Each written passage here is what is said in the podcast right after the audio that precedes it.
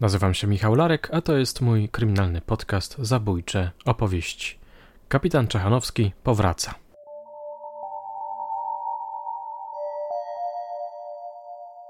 Byłem, miałem dyżur chyba i oficer dyżurny mówi, słuchaj, jakieś nie przyczyna zgonu jest w Czerwonaku, trzeba tam jechać, zobaczyć w domu, coś tam nie żyje i tak dalej. No pojechaliśmy tam się okazuje, że w małym mieszkaniu, w takim wielkim takim bloku, który do dzisiaj chyba tam jest, na piętrze chyba drugim, mieszkało małżeństwo z babcią i dwoma chłopcami, bliźniakami. Jeden z tych chłopców nie żyje. Tragedia, płacze, cały blok, bo wszyscy się znali tam.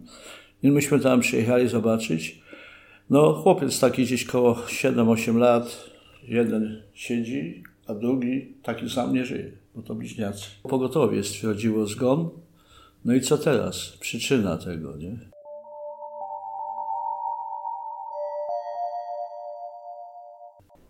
Jakiś czas temu oznajmiłem wam, że opowieści kapitana Czechanowskiego dobiegły końca.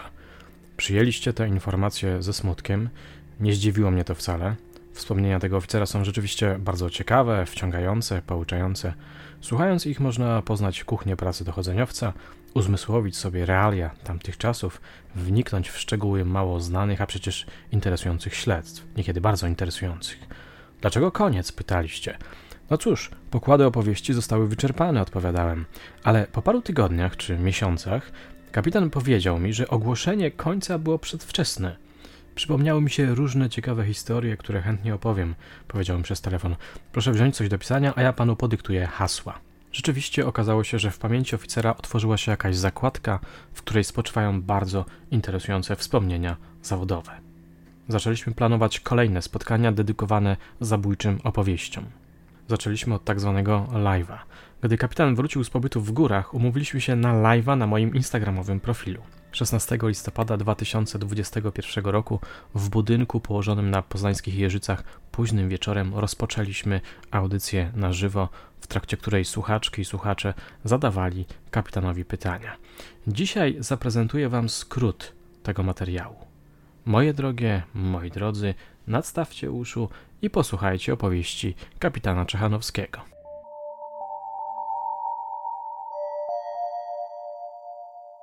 Tak jak już pan redaktor przedstawił, nazywał się Czechanowski, mam na imię Michał. Mam również jeszcze trzy inne imiona, Bolesław Jakie? Roman Jan, które, ale używam to, to, pierwsze. Cieszę się ze spotkania. Yy, przez pewien czas planowaliśmy to spotkanie, ale ja przebywałem na południu Polski. W okresie od kwietnia do października jestem w górach, w Beskidach dokładnie. No i teraz po powrocie z Beskidów wróciliśmy do Poznania Pan redaktor mnie zaprosił, no i jestem. Czekam na pytania, bo wiem, że wiele osób jest zainteresowanych. Ostatnie takie, pierwsze takie spotkanie z czytelnikami miałem też, kiedy zadawano pytania. Niektóre były mądre, niektóre były dowcipne, niektóre były złośliwe. Tutaj nie będzie złośliwe. Ale na każde odpowiem.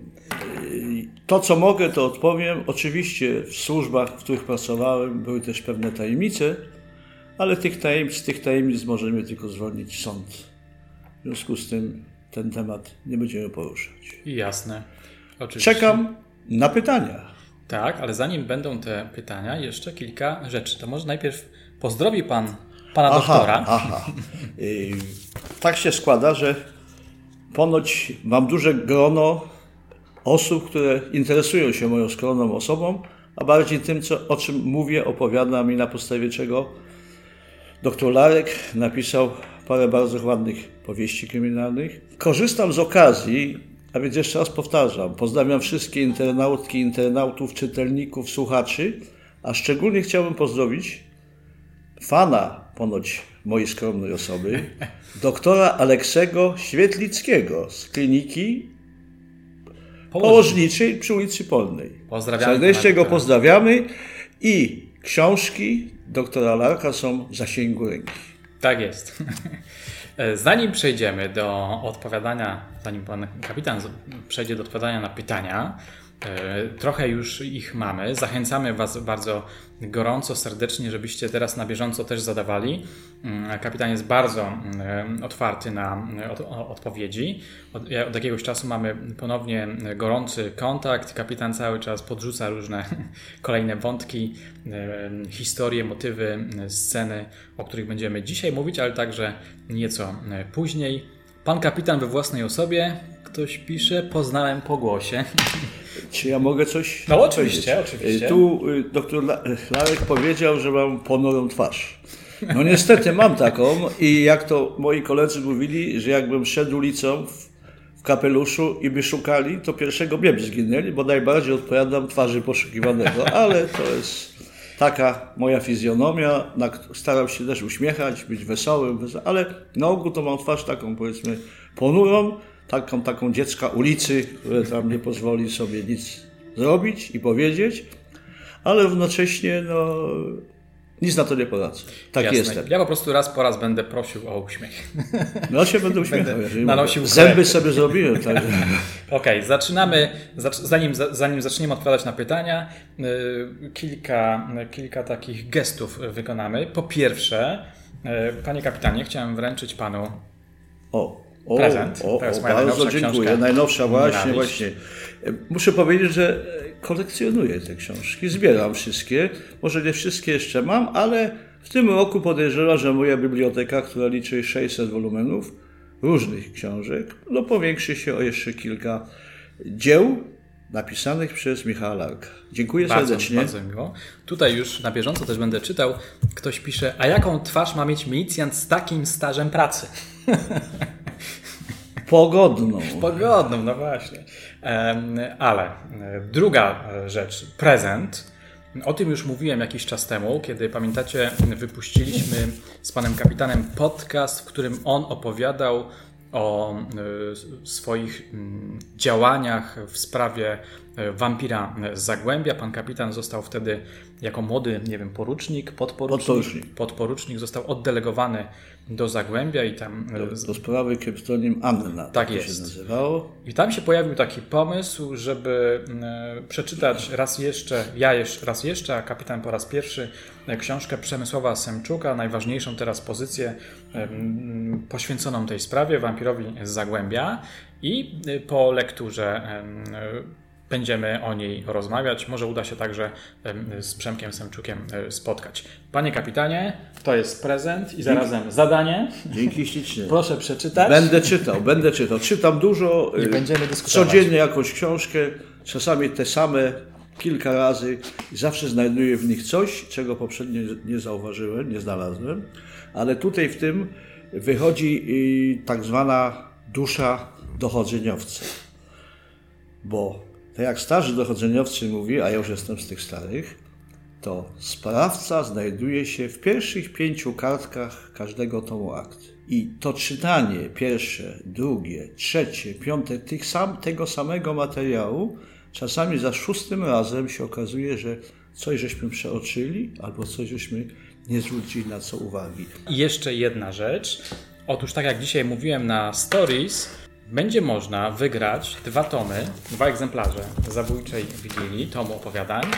I jedno z tych opowiadań jest bardzo mocno zainspirowane opowieścią kapitana Czechanowskiego o właśnie zabójczej Wigilii. Pan kapitan któregoś razu zamierzał wrócić już do domu, do swojej świeżo poślubionej małżonki Elżbiety, którą pierwsza serdecznie, wigilia. pierwsza Wigilia wspólna, którą serdecznie teraz pozdrawiamy, ale niestety musiał ruszyć w stronę Konina, żeby... Ko. Z w stronę koła Konina, żeby zająć się e, zabójstwem. Moje drogie, moi drodzy, e, konkurs polega na tym, że musicie odpowiedzieć na. Trzeba odpowiedzieć na pytanie. Albo pierwsze, gdzie. To będą, to będą pytania e, kryminalne, ale związane z historią Polski. Czyli dzisiaj dla odmiany wracamy do historii Polski. Gdzie został zamordowany król Polski Przemysław II. I drugie pytanie: który z królów polskich kazał zabić i poćwiartować biskupa Stanisława ze Szczepankowa? Te osoby, które jako pierwsze odpowiedzą na któreś z tych pytań, zostaną nagrodzone zabójczą wigilią z autografem albo dedykacją e, kapitana. Jeśli ktoś będzie chciał, mój podpis również tam się może pojawić. Czyli jeśli ktoś z Was jako, jeden, jako pierwszy odpowie na jedno z tych pytań, gdzie został zamordowany już padło, padła odpowiedź. Rogoźno. Dobrze, bardzo dobrze. Prosimy w takim razie, prosimy w takim razie o, o wiadomość na priv i ta osoba dostanie dostanie zabójczą wigilię tą, z, tą, tą, tak jest, tą, tą dostanie wigilię z autografem kapitana. E, drugie pytanie. Który z polskich królów Polski kazał zabić i rozkawałkować e, biskupa Stanisława ze Szczepanowa. Nie ze Szczepanka, tylko ze biskup Stanisław Szczepanowa. I mamy już kolejną, jak widzę, odpowiedź. Just Lemonka 89 wygrała zabójczą wigilię. Więc Just Lemonka poprosimy o kontakt na priv. Dostaniesz y, książkę Zabójczą Wigilię z podpisem. Przechodzimy do odpowiedzi. Do dyspozycji. Tak, przechodzimy do y, części głównej, czyli do y, pytań. Zadawajcie proszę pytania, chętnie kapitan na nie odpowie. To co? To może zaczniemy od kilku pytań, które wysłała Magda, jak, jak zawsze. A pierwsze pytanie nawiązuje do tej sytuacji związanej z nowymi technologiami, z nowymi mediami. Jak pan kapitan odnajduje się w nowej rzeczywistości zdominowanej przez media społecznościowe? Czy stresuje się pan rozmową na żywo? Nie, nie stresuje się. Y, jestem do tego przyzwyczajony, y, ponieważ jak nie wiem, czy wspominałem, na studiach byłem y, działaczem Zrzeszenia Studentów Polskich. Działaczem takim, nazwijmy, prawie kadrowym. I musiałem spotykać się z większym groną, większymi gronami studentów, słuchaczy, z profesorami, docentami a mam wadę wymowy, to francuskie R, które się mojej mamie strasznie podobało. Natomiast dla mnie to było przez pewien czas udręka, aż postanowiłem sobie powiedzieć, że to nie przeszkadza mi w nawiązywaniu kontaktów. Ci, którzy się z tego śmiali, to się śmiali, a ci, którzy tak na to nie zwracali uwagi, to ich, im chwała. I uczyłem się pisać przemówienia. Po prostu najpierw pisałem tekst starałem się w tym tekście, żeby było jak najmniej zdań i wyrazów literą L. Ale w polskim języku to co drugi wyraz ma L.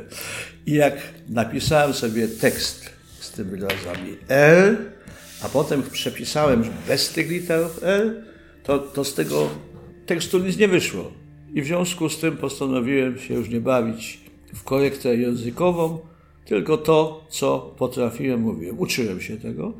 Potem to mi się przydało w pracy, a następnie, yy, będąc u schyłku swojej kariery policyjnej, byłem w ośrodku szkolenia policji w Poznaniu i skierowano, byłem tam wykład starszym wykładowcą, uczyłem nowo przyjętych adeptów, przyszłych policjantów i uskierowano nas na specjalny kurs do szkoły w Legionowie. To była filia Wyższej Szkoły Policji ze Szczytna, gdzie fantastyczne dwie wykładawczynie przez sześć tygodni uczyły nas umiejętności prowadzenia rozmów, panowania nad salą, jeszcze tego się już nauczyłem wcześniej, odpowiadają na trudne pytania, stosowaliśmy różne metody panowania nad sali. No na przykład ja jak przemawiam, to na stojąco lubię, bardziej niż, tak samo jak dyktuję sekretarce czy komuś pismo na stojąco. Wybieram sobie albo jednego słuchacza z sali, albo rząd słuchaczy, albo jakiś punkt, do którego mówię, ale też koryguję zaraz to swoje. Jeżeli widzę, że to, co mówię, wzbudza zainteresowanie, no to idę w ten temat. Jeżeli widzę, że to e, e, powoduje e, jakąś niechęć albo po prostu brak zainteresowania, no to staram się to, ten temat inaczej przedstawić albo go pominąć. Okej, okay, czyli przeszedł Pan doskonałe przeszkolenie i w związku z tym pan się nie boi. A jak się pan właśnie znajduje jako osoba, która jest rozpoznawana e, przez e, chociażby nasze wspólne podcasty? Nie mam do siebie, powiedzmy, uwag, oprócz tego, że rodzina bardzo mnie tam mówią, że ty się na stare lata się pchasz na afisz, nie? No ale jeżeli jest taka potrzeba... Podobno syn mówi, że jest pan e, królem internetu. Tak, tak, tak, tak. tak. No syn, syn, synowa, wszyscy tam bardzo dobrze, żona ja, jesteśmy już tej starej daty, nie za bardzo. Oczywiście mam telefon komórkowy, yy, korzystam z, inter... korzystam powiedzmy z wiadomości, czytam wiadomości, koresponduję, ale nie, na no, mediach społecznościowych nie występuję. Okej. Okay. No do dzisiaj pan występuje. No tak, występuję, ale sam od siebie tam. No, no, jasne. Dobra. Przechodzimy teraz już do bardziej takich klimatów, tematów e, kryminalnych. Tutaj już są pierwsze pytania. Witają nas różne osoby. Dziękujemy panowie, za powitania. Tak. Panie, dobry wieczór, witam panów i tak dalej, i tak dalej. I na przykład takie pytanie. Pad, Padreitis zadaje. Co pana najbardziej zmroziło podczas pracy śledczej? Jaka sytuacja? No najbardziej mnie, mnie, mnie zmroziły yy, zabójstwa albo nagłe, niewyjaśnione zgony dzieci. No tak. Yy, do pewnego momentu, kiedy jeszcze nie miałem własnych dzieci, mam dwoje dorosłych, to yy, sekcja zwłok dziecka, czy osoby dorosłej, czy kogokolwiek, była normalną czynnością, którą wykonywałem, bo byliśmy obecni zawsze na sekcjach. I po prostu, nie powiem, że potem mnie to spływało, ale musiałem być tym funkcjonariuszem, a nie dołączyć do grona e, osób rozpaczających.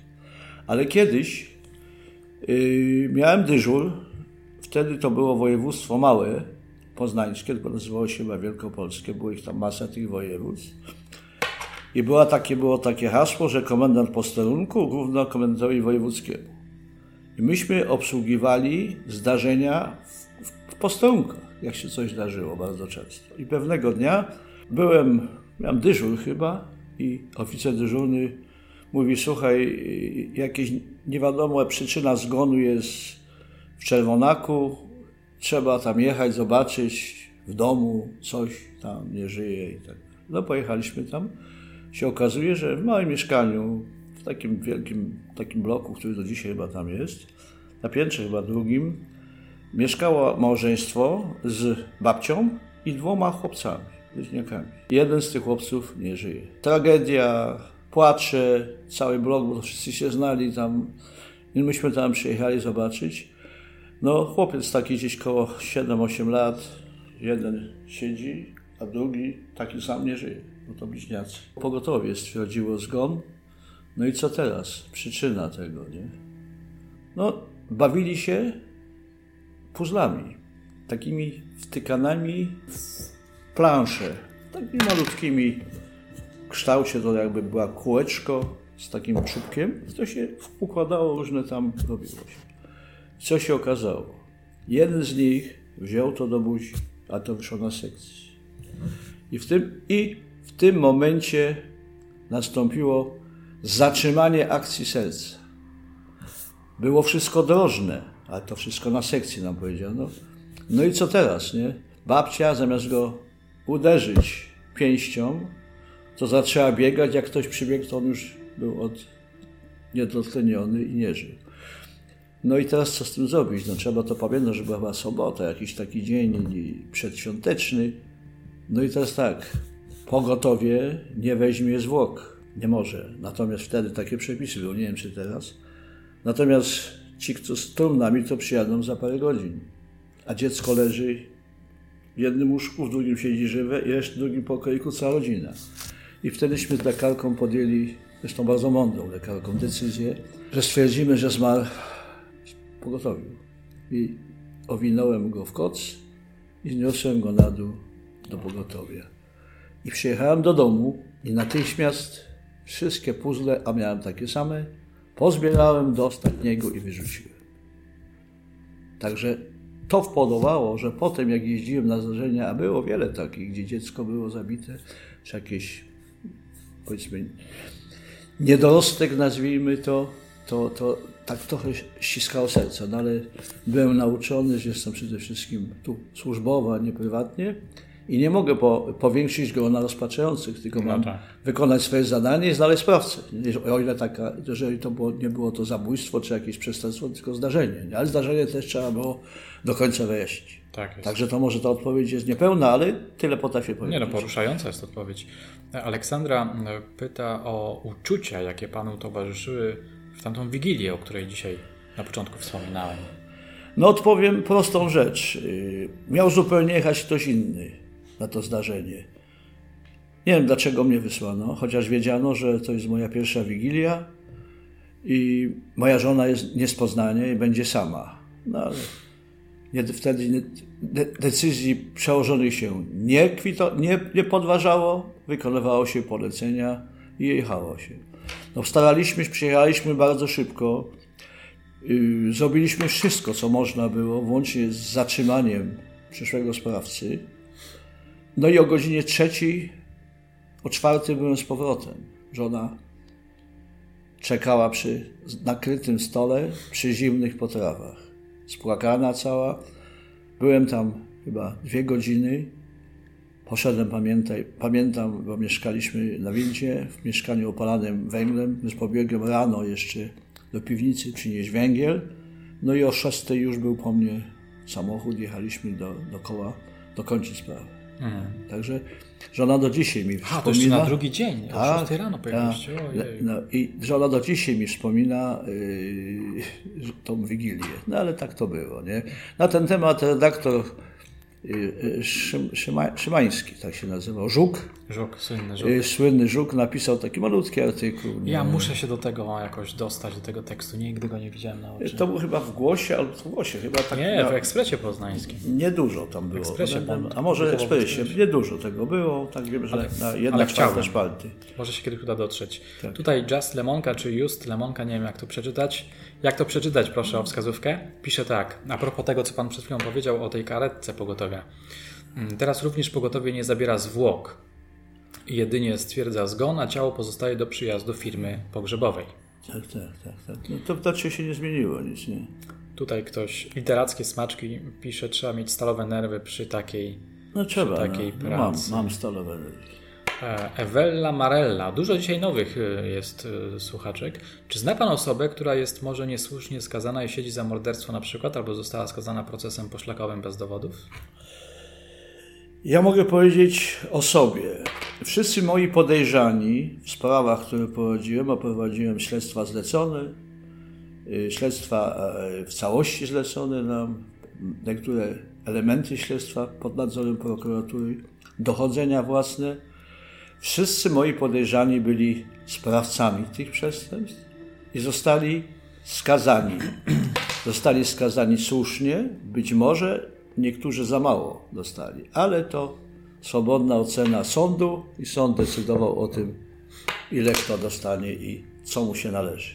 Ja osobiście z mojej kariery i mojej praktyki nikt za darmo u nas, jak to się mówi, nie siedział. Zresztą, jak pamiętam, mój wydział był bardzo taki nazwijmy to elitarny, może to takie słowo trochę chwalące się, ale był takim wydziałem wiodącym i ten wydział e, rzeczywiście wydział dochodzeniowo... dochodzeniowo-śledczy Komendy Wojewódzkiej, wtedy milicji, potem policji. Tam byle co się nie robiło. Mhm. Robiło się uczciwie, solidnie. Zresztą mieliśmy czas.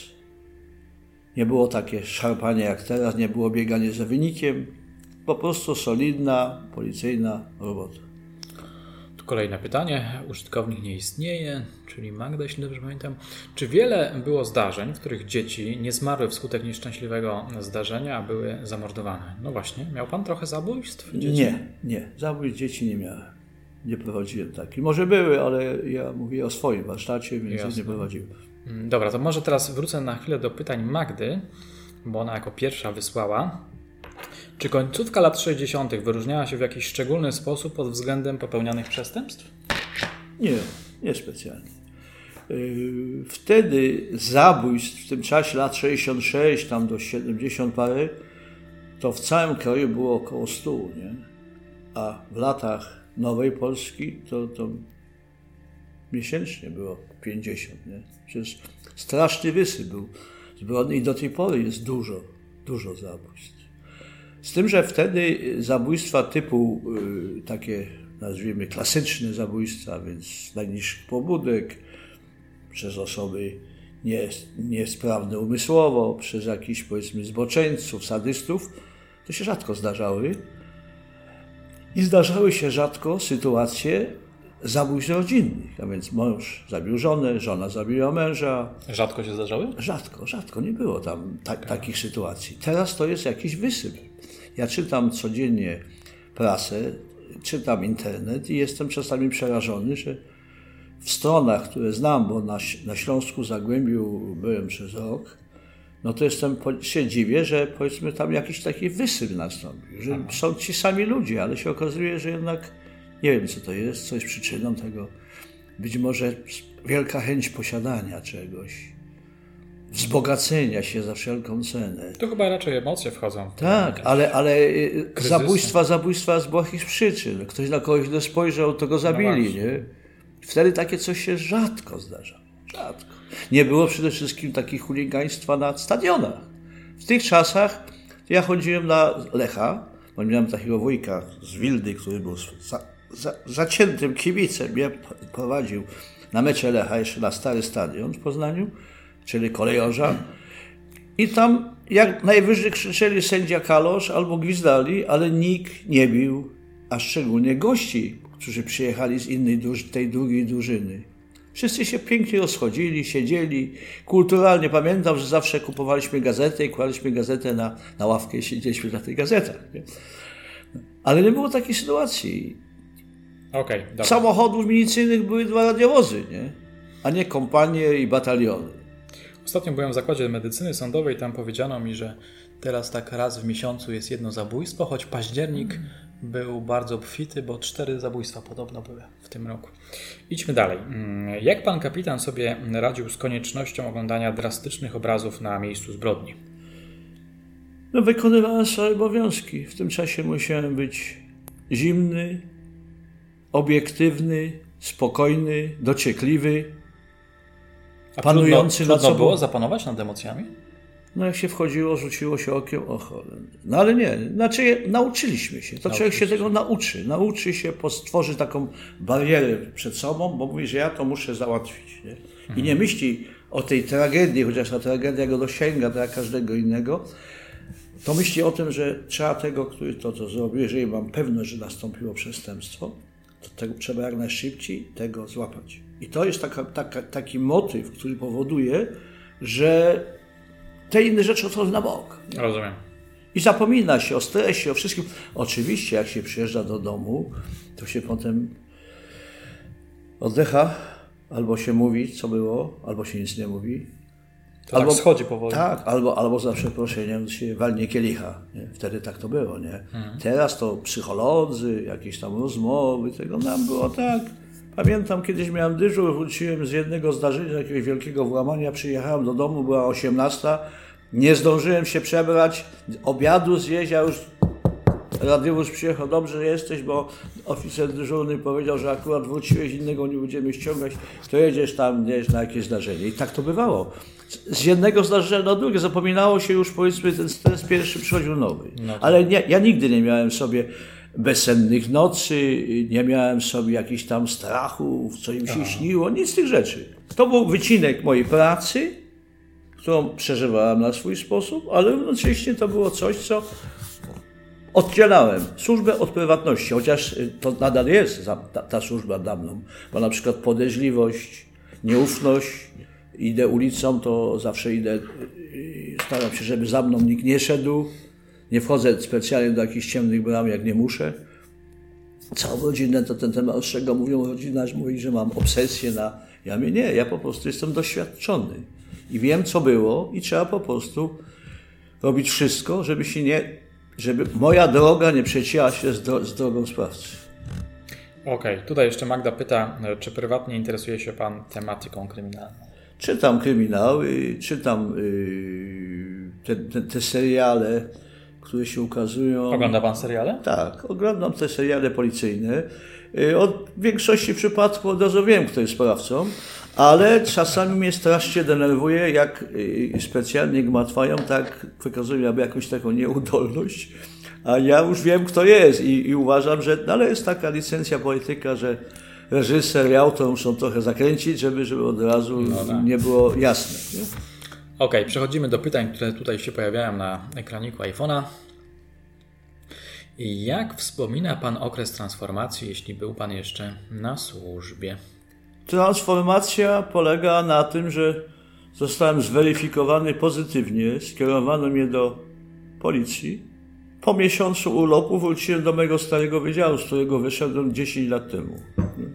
I tam tym poległa. Dla mnie to tam, tam ci sami, ja wszystkich tam znałem, wszyscy mnie znali. Mieliśmy trochę inne obowiązki, ale ci sami prokuratorzy byli, ci sami sędziowie. Y, zmieniło się tylko, powiedzmy, kierownictwo wydziałów, bo y, starych odesłano na emeryturę albo zwolniono, a nowi przyszli, ale żeśmy to potrafili sobie ułożyć i jakiś problemów z tego, że jest nowa władza, nie, nie mieliśmy. Mieliśmy nie po prostu, uznawaliśmy się za, za funkcjonariuszy publicznych, którzy muszą temu państwu służyć, bo to jest moje państwo i jemu służyłem przez swoje prawie 40 lat. I, i, I uważałem to za swój obowiązek, że jeżeli zostałem pozytywnie przesunięty do polityki, no to dalej pracuję i jeszcze, jeszcze nadpracowałem. Nie? No, ale atmosfera polityczna pewnie jakoś się zmieniła. Zmieniła się, no nie było partii, nie było tam, związki zawodowe to trochę próbowały, ale ja należałem do tych starszych już funkcjonariuszy i ci młodzi, gniewni, bojowi się liczyli z nami. Nie? Liczyli się z nami, tam nie, nie wiem, są byli też niepoważni niektórzy, którzy, którzy usiłowali tam karierę wielką robić na, na, na placach związków zawodowych, ale myśmy swoje robili i mieliśmy przyzwolenie y, y, kierownictw nowych, bo powstawały nowe kierownictwa, a oni wiedzieli, że my wiemy więcej od nich niejednokrotnie i, i powiedzmy, jak to się mówi, nie, nie wciskali się. Nie? Okej, okay, a ja się podczepię pod to pytanie o transformację. Od, od, odkładam na bok kwestie mm, polityczne. Interesuje mnie, czy pan zauważył no, jakby zmiany w zakresie popełnianych przestępstw? Ja panu powiem, no, zrobiono błąd w czasie transformacji, bo y, każda służba tego typu musi mieć ciągłość. Nie można tak, że dzisiaj kończymy, wszystkich wywalamy i zaczynamy od nowa. No niestety, kartoteki są nadal, przestępcy nadal żyją. Ci, co prowadzili sprawy, to wiedzą najwięcej o tych. I zrobiono taki zasadniczy błąd. Ja nie mówię o kierownictwach, no bo kierownictwo można zmienić, w sumie nie zawsze przełożony musi być superfachowca, chociaż powinien być. Ale średni dozór, a więc kierownicy sekcji, starsi inspektorzy, zastępcy komendantów powiatowych, kierownicy komisariatów czy zastępcy, dowódcy oddziałów, plutonów i tak to byli fachowcy. To się znali, oni wiedzieli, jak to zrobić. I nowy, których przyjmowano, nie miał go uczyć. Oni się uczyli na podstawie błędów, a my byśmy te błędy. Ja na przykład, jak byłem naczelnikiem na dzielnicy yy, w Jeżyce, to miałem 30 ludzi. I większość z nich to byli nowi, młodzi ludzie którzy nie wszystko wiedzieli. W szkołach dużo się nie dowiedzieli, bo były szybkie takie kursy, żeby jak najszybciej tą kadrę zmienić. No i trzeba było ich po prostu pilnować, uczyć, nie? No ale ja potrafiłem to przekazać, ale byli tacy, którzy nie potrafili. Nie? I mhm. potem mamy takie błędy, bardzo często teraz, a ponadto jeszcze inny. Przyjmowano do, do milicji po dokładnym sprawdzeniu życiorysu i rodziny. I nie było tam sytuacji takiej, że jak ktoś miał rodzinie przestępców, złodziei i sam był jakiś tam gdzieś, żeby go przyjęto. Nie. Potem był trzyletni okres próbny. Przez trzy lata miałem swojego nadzorcę, który bezpośrednio mnie uczył i nadzorował. Dopiero po trzech latach stawałem się funkcjonariuszem stałym. A teraz błyskawicznie przychodzi, jak to się mówi, nie ma co robić, o, jest na bezrobocie się zgłasza, chce być policjantem, no to go przyjmują, krótkie sprawdzenie. Na przykład taki z Gorzowa, że pani policjantka została przyjęta, a była skazana w Szwecji za handel narkotykami i odsiedziała w więzieniu, nie? A ją tu przyjęli do, w Gorzowie do policji, no i wstyd, wstyd. Okay. Wróćmy jeszcze do transformacji. Czy coś się zmieniło w zakresie popełnianych przestępstw? No tak, wysyp nastąpił. Zabójstw, napadów. Nowe przestępstwa powstały. Haracze, handel narkotykami, produkcja narkotyków, pobicia, bójki, bójki stadionowe, kradzieże samochodów, włamania. To się tak jakby pękła tama. Aha. I to się wszystko rozsypało, a ci nowi, którzy tam byli, no to przez pewien czas zginęli w tym. No to niestety nie mieli wzorców. Nie? Rozumiem. A skąd ta eksplozja? Czy można było tego uniknąć? Trudno mi powiedzieć. Nie? Mnie się wydaje, że, że yy, przełożeni w najwyższym szczeblu, jeżeli potrafiliby sobie z tym dać radę, to by dali radę, ale było taką sytuację, że była niepewność, nie? Czy jak tego zatrzymam. Oczywiście nastąpiła olbrzymia rola adwokatury. Przedtem to adwokat przychodził, owszem, przychodził, był dopuszczany. Ale teraz jeszcze klient nie przyjedzie, ten przestępca, ledwo go zatrzymają, to już pod bramą komendy stoi adwokat. Nie? Myśmy wtedy dopuszczali oczywiście adwokatów, ale za zgodą prokuratora. Myśmy sami nie A teraz, no, wręcz powiedzmy, z podejrzanym przychodzi i za drzwiami adwokat, nie? Jeżeli to jest adwokat mądry, to nie przeszkadza, nie? A jeżeli jest niezbyt mądry, bo tacy też się zdarzają, no to powoduje, że ten podejrzany przyszły, no dostanie więcej, no bo, bo, bo tak zagmatwa, że trzeba tutaj odkręcać pewne rzeczy, trzeba, trzeba myśleć, jak nie zajmować się podejrzanym, tylko zajmować się teraz, żeby się obronić od adwokata. No Okej, okay, dobra. Tutaj mam takie pytanko. Czy pracował Pan przy sprawie Beatki Radkę? Tak, pracowałem. Mamy nawet na ten temat podcast. To może w dwóch, trzech zdaniach, bo pewnie nie wszyscy go słuchali tego podcastu, nie wszyscy znają tę historię. Co to była za sprawa? No to była taka sprawa, że dziewczynka, która mieszkała na ulicy... Początek lat 70. Tak, gdzieś tak. Ja nie pamiętam w tej chwili dokładnie daty. Mhm. Dziewczynka, nie wiem, chyba 7 czy 8 lat, y, y, mieszkała pobliżu ulicy Swoboda w Poznaniu na, na, na Grunwaldzie i szła na lekcję religii do kaplicy, która znajdowała się po drugiej stronie ulicy Bukowskiej. Tam była ta kaplica. No i na odcinku 100 metrów od domu zniknęła bez śladu. I do dzisiaj nie znaleziono. W tym samym czasie było około 10 czy 12 uprowadzeń dzieci, dziewczynek. Uprowadzeń? Spod, czy, uprowadzeń spod szkół, tak. Okay. Sprawca wywoził je, bo sprawa nosiła kryptonim Dębina, dlatego że sprawca wywoził je do lasku na Dębinie. Tam dokonywał czynności seksualnych z tymi dziewczynkami i odprowadzał później na przystanek albo gdzieś. Było to tam gwałty? No to były różne czyny, powiedzmy takie gwałty, raczej chyba nie. I potem były takie cztery na Grunwaldzie. To znaczy lewa strona, właściwie tak, prawa strona, tak, bo to prawa strona, a ta jest prawa strona, czyli był tam Dębina i te wszystkie tam krzaki, lasy. Myśmy tam potem z tymi dziewczynkami robili wizję lokalną, chodziliśmy, wskazywaliśmy gdzie. I cztery przypadki były, że do Lasku Marcyńskiego. I Podejrz, myśmy sprawę robili bardzo dokładnie. Była, były wizje, były przesłuchania, były eksperymenty, wszyściutko. I sprawcę żeśmy w tym etapie nie znaleźli. Sprawę nadzorowała bezpośrednio prokuratura wojewódzka, jeden z prokuratorów, bardzo zdolnych zresztą, był cały czas z nami, wszędzie to wszystko robiliśmy i podejrzewaliśmy później, potem w pewnym etapie no, ta sprawa poszła do prokuratury, bo prawdopodobnie znaleziono sprawcę ale sprawcę, który to już potem yy, mój wydział tego nie robił. Nie wiem, czy to miasto przejęło, czy prokurator sam to prowadził, zlecał jakieś czynności. Pamiętam taką refleksję naszą, że dlaczego ten, aha, że ponoć tym sprawcą było, tam jakieś też była wizja, że wskazywał, że tu prowadził, tam prowadził. A, a, na, a do tych czterech yy, dziewczynek, który uprowadził, trzech które uprowadził, no czwarta była brata, z tego wynika, do Lasku Malecińskiego, za nic świecie nie chciał ich pokazać tego. I potem, tak, i potem tak, potem ten y, sprawca prawdopodobnie gdzieś wyjechał, znaczy poszedł do więzienia. Ale generalnie nie wykryto sprawcy. Nie wykryto, znaczy nie znaleziono bezpośrednio sprawcy i przyczyny zaginięcia i zwłok nie znaleziono. Mhm. Ja takie moje prywatne zdanie, ale to się nie liczy, podejrzewam, że właśnie na Marcelinie, tam gdzieś są te nowe bloki, tam być, bo tam było takie wielkie wysypisko śmieci.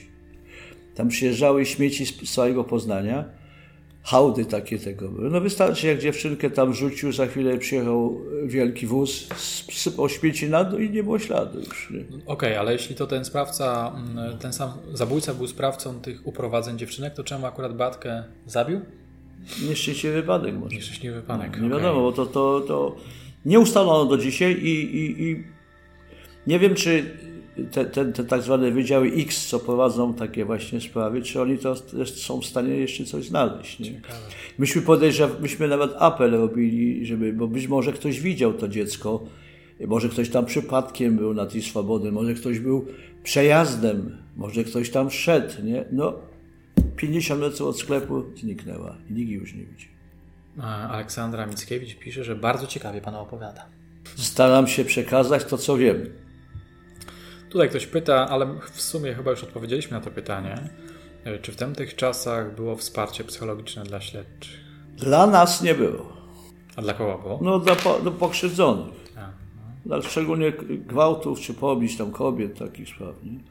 Ale myśmy tam, ja nie przypominam sobie, że, że owszem, znaliśmy psychologów, żeśmy tam e, Pamiętam raz skorzystałem, bo, bo takie, taki był gwałt tam gdzieś na ratajach i była taka pani psycholog, która y, uczestniczyła z nami w wizji lokalnej i chodziło o potwierdzenie, czy powiedzmy ta, ten, ten, ta sprawca i ofiara prawdę mówili. O to chodziło. Ale to w stosunku do y, osób pokrzywdzonych. Nie? Natomiast w stosunku do nas, żeby nam ktoś pomagał, coś się nie przypomina. Ale gdyby pan mógł wtedy, y, to Skorzystał Pan? Nie, nie potrzebowałem, bo ja nie miałem problemów psychicznych ze swoją pracą. Nie? Owszem, miałem problem, jak przychodziłem późno i żona miała pretensje, ale... ale no właśnie. No to... no, ale tak to nie, nie, nie. Nie potrzebowałem psychologa. Mhm. E, czy był Pan do czasu moratorium zwolennikiem kary śmierci? Tak i do dzisiaj jest. Dlaczego? Dlatego, że, przez, że, że społeczeństwo musi bronić się przed takimi, którzy im zagrażają. A zagrażają tacy, którzy nie potrafią opanować swoich najniższych instynktów i lepiej, żeby tacy po ziemi nie chodzili. Ale to jest moje prywatne zdanie, moje wypowiedzi. Ale czy zabijanie jest dobrą odpowiedzią na, dla morderców? Ja, i trudno powiedzieć, że to jest zabijanie, to jest eliminacja. No, to zabijanie. No. Po, po, Pozbawiamy no tak, życia. Tak, ale, ale, czy, ale czy ktoś liczyje się wtedy nad ofiarą? Nie? Czy, ktoś, czy ktoś myśli o tym, że, że, ta, że, że ta ofiara mogła żyć, mogła być matką, babcią, mogła być wspaniałą żoną? No wszyscy myślą no, o tym. A sprawca jednym pociągnięciem zabija, pozbawia rodzinę, robi straszną psychiczną stratę w tej rodzinie, i sam no, siedzi sobie spokojnie na wikcie państwowym. My z naszych podatków opłacamy jego powód. Ma dobrze. Lekarz, pielęgniarka, leki za darmo, spanie, jedzenie, kąpiel, wszystko. Biblioteka, widzenia. No. To nie jest, to nie jest, a resocjalizacja jest bardzo, bardzo ciekawa, no bo większości tych sprawców po wyjściu z tego znowu popełnia przestępstwo. Nie? Czy jaka ta resocjalizacja jest? To, że on się zgłasza i że chodzi na, na, na zebrania, na spotkania, no to zaraz piszą, że o, bo chodzi, się interesuje, nie grypsuje albo coś w tym rzędzie. Nie. Tam wypadałoby tych, którzy popełnili ciężkie przestępstwa, wypadałoby bardzo dokładnie sprawdzać, zanim się podejmie decyzję o przeterminowym zwolnieniu. Ja uważam, że jak ktoś popełnił przestępstwo i dostał 12 lat, to 12 lat do ostatniego gwizdka winien odsiedzieć. A co by pan powiedział o rodzinie komendy, gdyby go zabili? Ale to ja panu powiem, to jest na ileś tam set no, przypadków zdarza się jeden, ale jeden nie może być wykładnikiem tego, żeby. No byłoby to sytuacja bardzo nieprzyjemna, ale dla kogo? Dla tych, którzy nierzetelnie wykonali swoje obowiązki. No i dla tego, który stracił życie. No tak, ale nierzetelnie, nie? I teraz się okazało, że nie ma sprawcy kto to zrobił. Nie? Są sprawcy, którzy zabili, ale ci, którzy tą sprawę popsuli, bo to była ewidentnie popsuta sprawa, którzy albo z braku doświadczenia, albo z braku jakichś tam nacisków, albo jakichś ambicji, albo po prostu z byle jakości, nie? doprowadzili, że chłop niewinnie siedział. No gdyby była kara śmierci, to by go zabili. No to by go zabili. Nie? I wtedy kto wie, co, kto, by, kto, kto wie, co by się teraz działo. Czy było też, nadal by było tak, że nie ma winnych tego? Nie? No bo się okazuje, że ci, którzy funkcjonariusze, prokuratorzy, sędziowie, no popełnili wszyscy błędy. Ostatnio czytałem, y, słyszałem bardzo ciekawą opinię. Nie będę mówił na razie kto, bo nie wiem, czy ta osoba chciałaby się zdradzić, ale od pewnego momentu zapadały bardzo surowe, niesprawiedliwe wyroki i za parę lat będziemy, służby będą musiały odkręcać te, te wszystkie. No tak, ale, ale wtedy te wyroki, ja moim zdaniem, się mogę mylić, to musiały być sterowane wyniki przez sądu. Te no tak. sądy nie były, jak to się mówi, obiektywne i nie były niezależne. Bo sędzia musi być niezależny od okay, sytuacji. Dobra, musi nie wchodźmy, dbać o dowody. Nie wchodźmy w to, bo zaraz wejdziemy w politykę. Tak, tak, nie, politykę to, to nie. Zatrzymujemy no ale jest polityka też prawna, taka pewna, nie? I, tak, tak, ale tam, to... Ale to chodzi już nie o to. Okej. Okay. Która sprawa, pyta kolejna osoba, która sprawa najbardziej zapadła Panu w pamięć?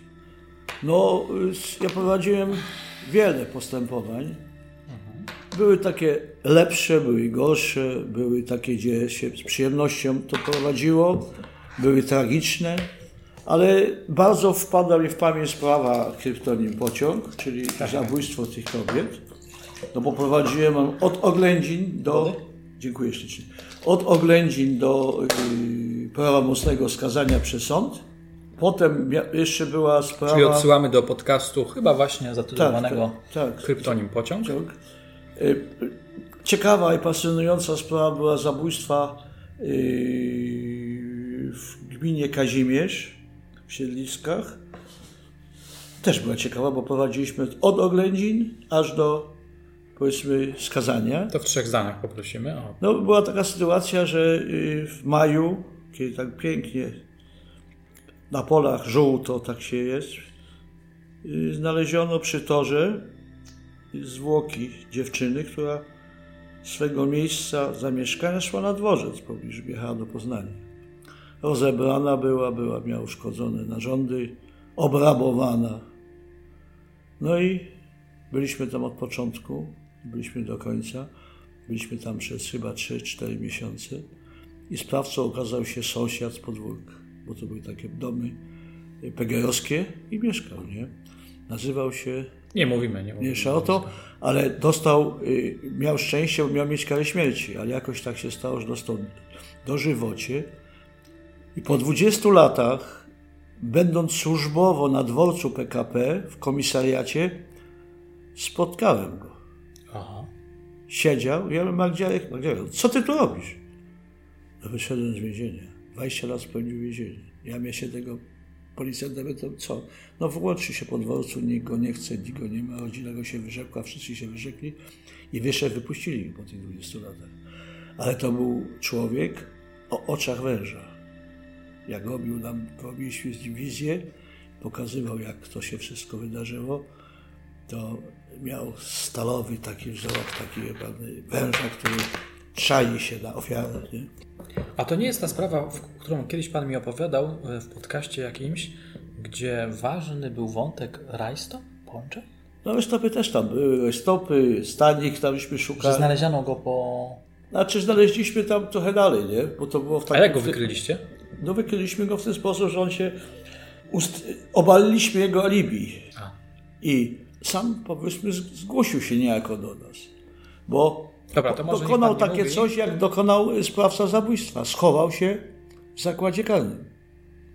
Dokonał włamania do kaplicy w y, Szabotułach kościelnej, skradł jakieś lichtarze i zaraz potem dokonał napadu na kobietę z dzieckiem. No i go zatrzymali i się okazuje, że to...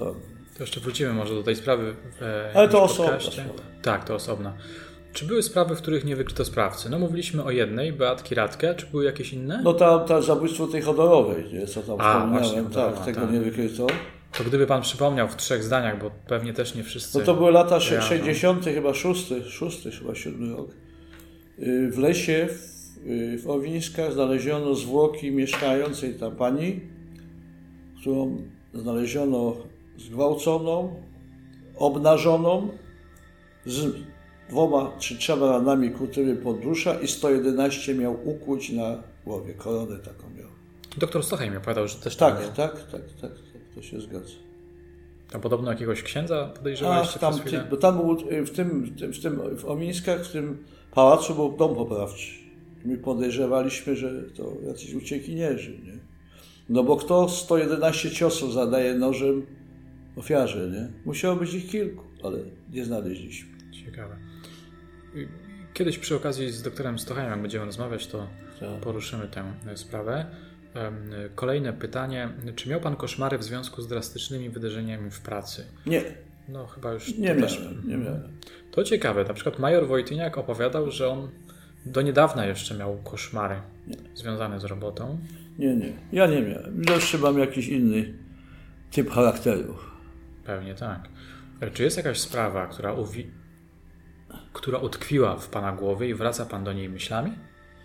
Ja staram się y, nie wracać do, do, do spraw. No Jak ktoś mnie pyta, oczywiście przypominam sobie to, co pamiętam, ale żebym żył tymi sprawami, które są, były kiedyś, nie, nie. Jest, tak, jest Pan mało filmowy. Zgadza się. Filmowy gliniarz Nadaje się do, do plakatu Wanted. Tysiąc dolarów. Żywy lub zdrowy, pytanie.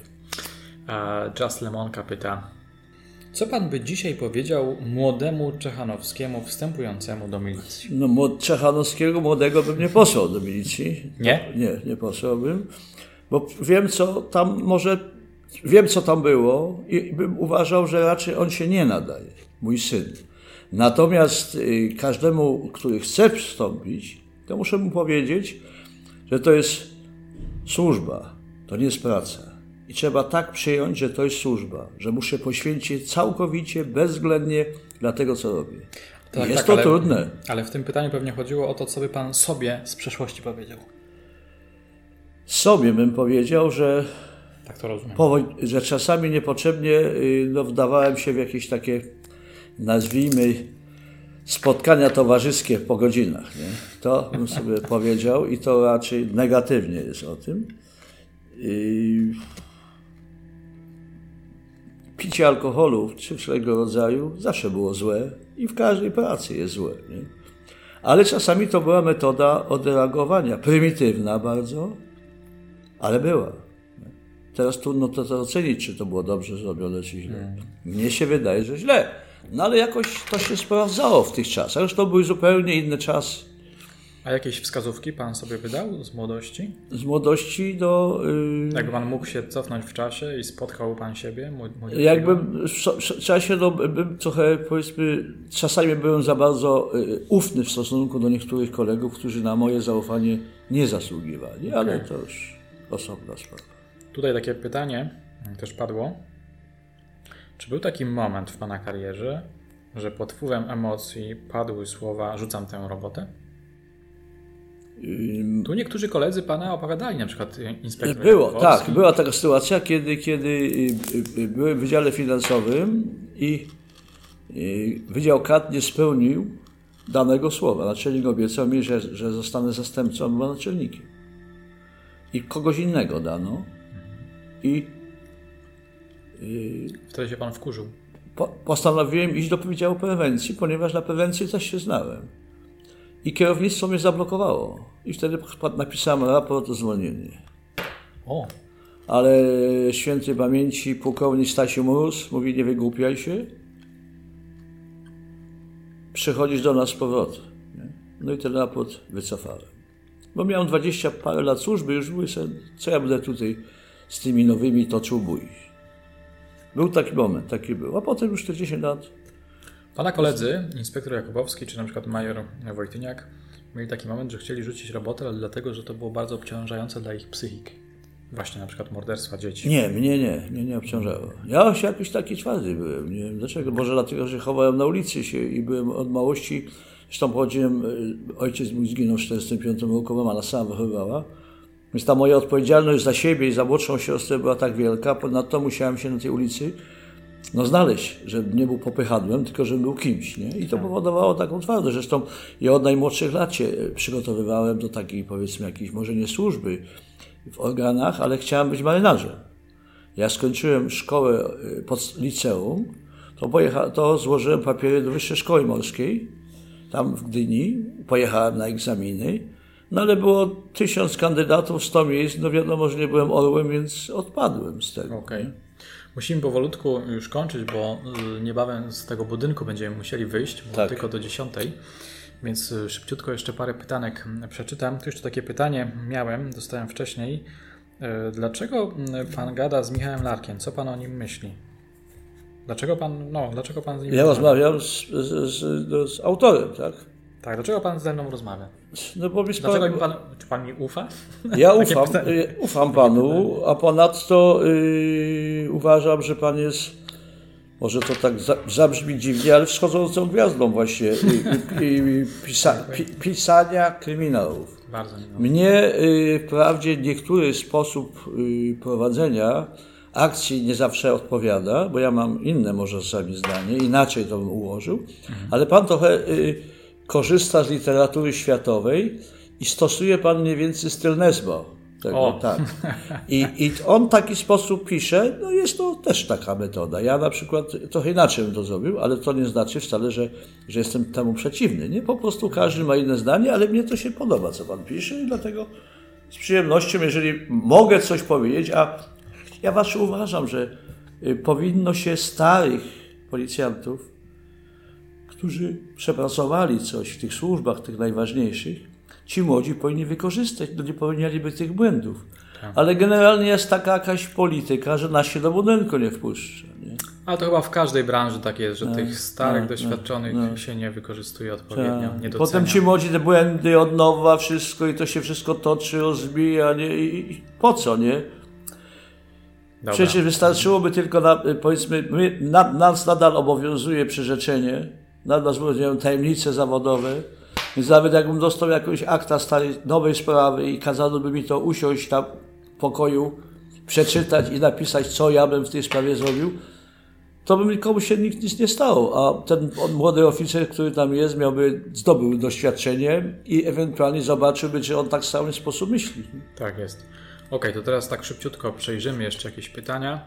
Jeśli będzie ich dużo, to po prostu zorganizujemy kolejnego live'a, może na przykład e, gwiazdkowego. Możemy, możemy, ale nie Wigilię, nie, nie, nie. Nie, nie, nie. nie, już nigdy więcej nie zrobimy tego pani Eli. Tak, tak, tak. I, i Przyszłamy tutaj z pretensjami. I nie porwiemy kapitana Wigilię, ale tak jakoś przed Wigilią w grudniu. Czy któryś ze sprawców, których pan zamknął, odzywał się do pana po wyjściu z więzienia? Nie. Nie spotkałem. Za wyjątkiem tego, co mówiłem, tego zabójcę, nie? Mhm. W tym spotkałem ten dworcu, ale on tam... To raczej spotkanie przypadkowe. Przypadkowe, tak. Nie, nie, nie. Czy wcześniej było więcej zabójstw ze względu, z powodu choroby alkoholowej, porównując z nie, dzisiejszymi nie, czasami? Nie było, nie było więcej. Nie było. W którym roku zakończył Pan pracę i czy miał Pan styczność ze ściganiem grup zorganizowanych mafii? To znaczy, ja ścigałem w województwie wielkopolskim złodziei samochodów. Nie? To, to ścigałem, ale skończyłem pracę w 1999. A nie w 2007? Nie, nie, nie, 99. W 2007 już byłem dawno na emeryturze. To ja coś źle. Nie. W 99. W sierpniu, 1 sierpnia 99 roku. Czy w czasach... od, e, od y, weryfikacji 89, nie? 10 lat przepracowałem jeszcze, Aha. czyli 99. Coś mi się poplątało. Nie, nie, w 2007 to byłem w funduszu. A, okej. Okay. Czy w czasach Pana służby spożywanie w nadmiarze alkoholu przez funkcjonariuszy często się zdarzało? Czy były sytuacje spożywania na służbie i czy zdarzały się z tego powodu jakieś wypadki? No, kierownictwo wszelkich szczebli tępiło pijących. No to mieliśmy podcast tak, z anegdotkami tak, pijackimi. Tak, tak, tak, będzie kontynuacja z tego, co słyszałem. No, może jeszcze coś będzie. Ale nie należy stwierdzić, że wszyscy, że, że, że yy, powiedzmy, wszystko toczyło się w oparach alkoholu. Nie, nie. Nie toczyło się. W większości to były trzeźwe wszystkie decyzje. Owszem, czasami wypiliło się po, jak, jak, jak to było rozładowanie napięcia, sprawcę mamy, przyznał się, są dowody, no jedziemy do domu, nie? No po drodze trzeba coś zjeść, wypić, nie? Tak. Zresztą była to taka, nazwijmy, proletariacka metoda odpoczęcia. Po robocie, po jednym, nie? I to tak, tak, tak powiedzmy istniało przez wiele, wiele lat jeszcze w, w policji. Też. Okej. Okay. Czy zdradzał pan żonie jakieś sprawy, albo czy pana żona podkładała jakieś rozwiązania? Ja bym w ten sposób chciała wspierać męża i mieć w śledztwie swój udział. Nie, nie, nie. O, ja żonie nie mówiłem. Czasami coś wspomniałem, ale ona starała się y, raczej nie, nie, nie interesować, chociaż jak, jak opowiada mi niektóre rzeczy, to rzeczywiście mogłem skorzystać, bo ma bardzo, bardzo wnikliwy sposób myślenia, jest bardzo logiczna i potrafiłaby może podpowiedzieć mi coś, ale ja byłem raczej egocentryk w tym sensie, że ja sam nie, nie potrzebowałem doradców, nie potrzebowałem nic, starałem się sam temat rozgryźć. Nie?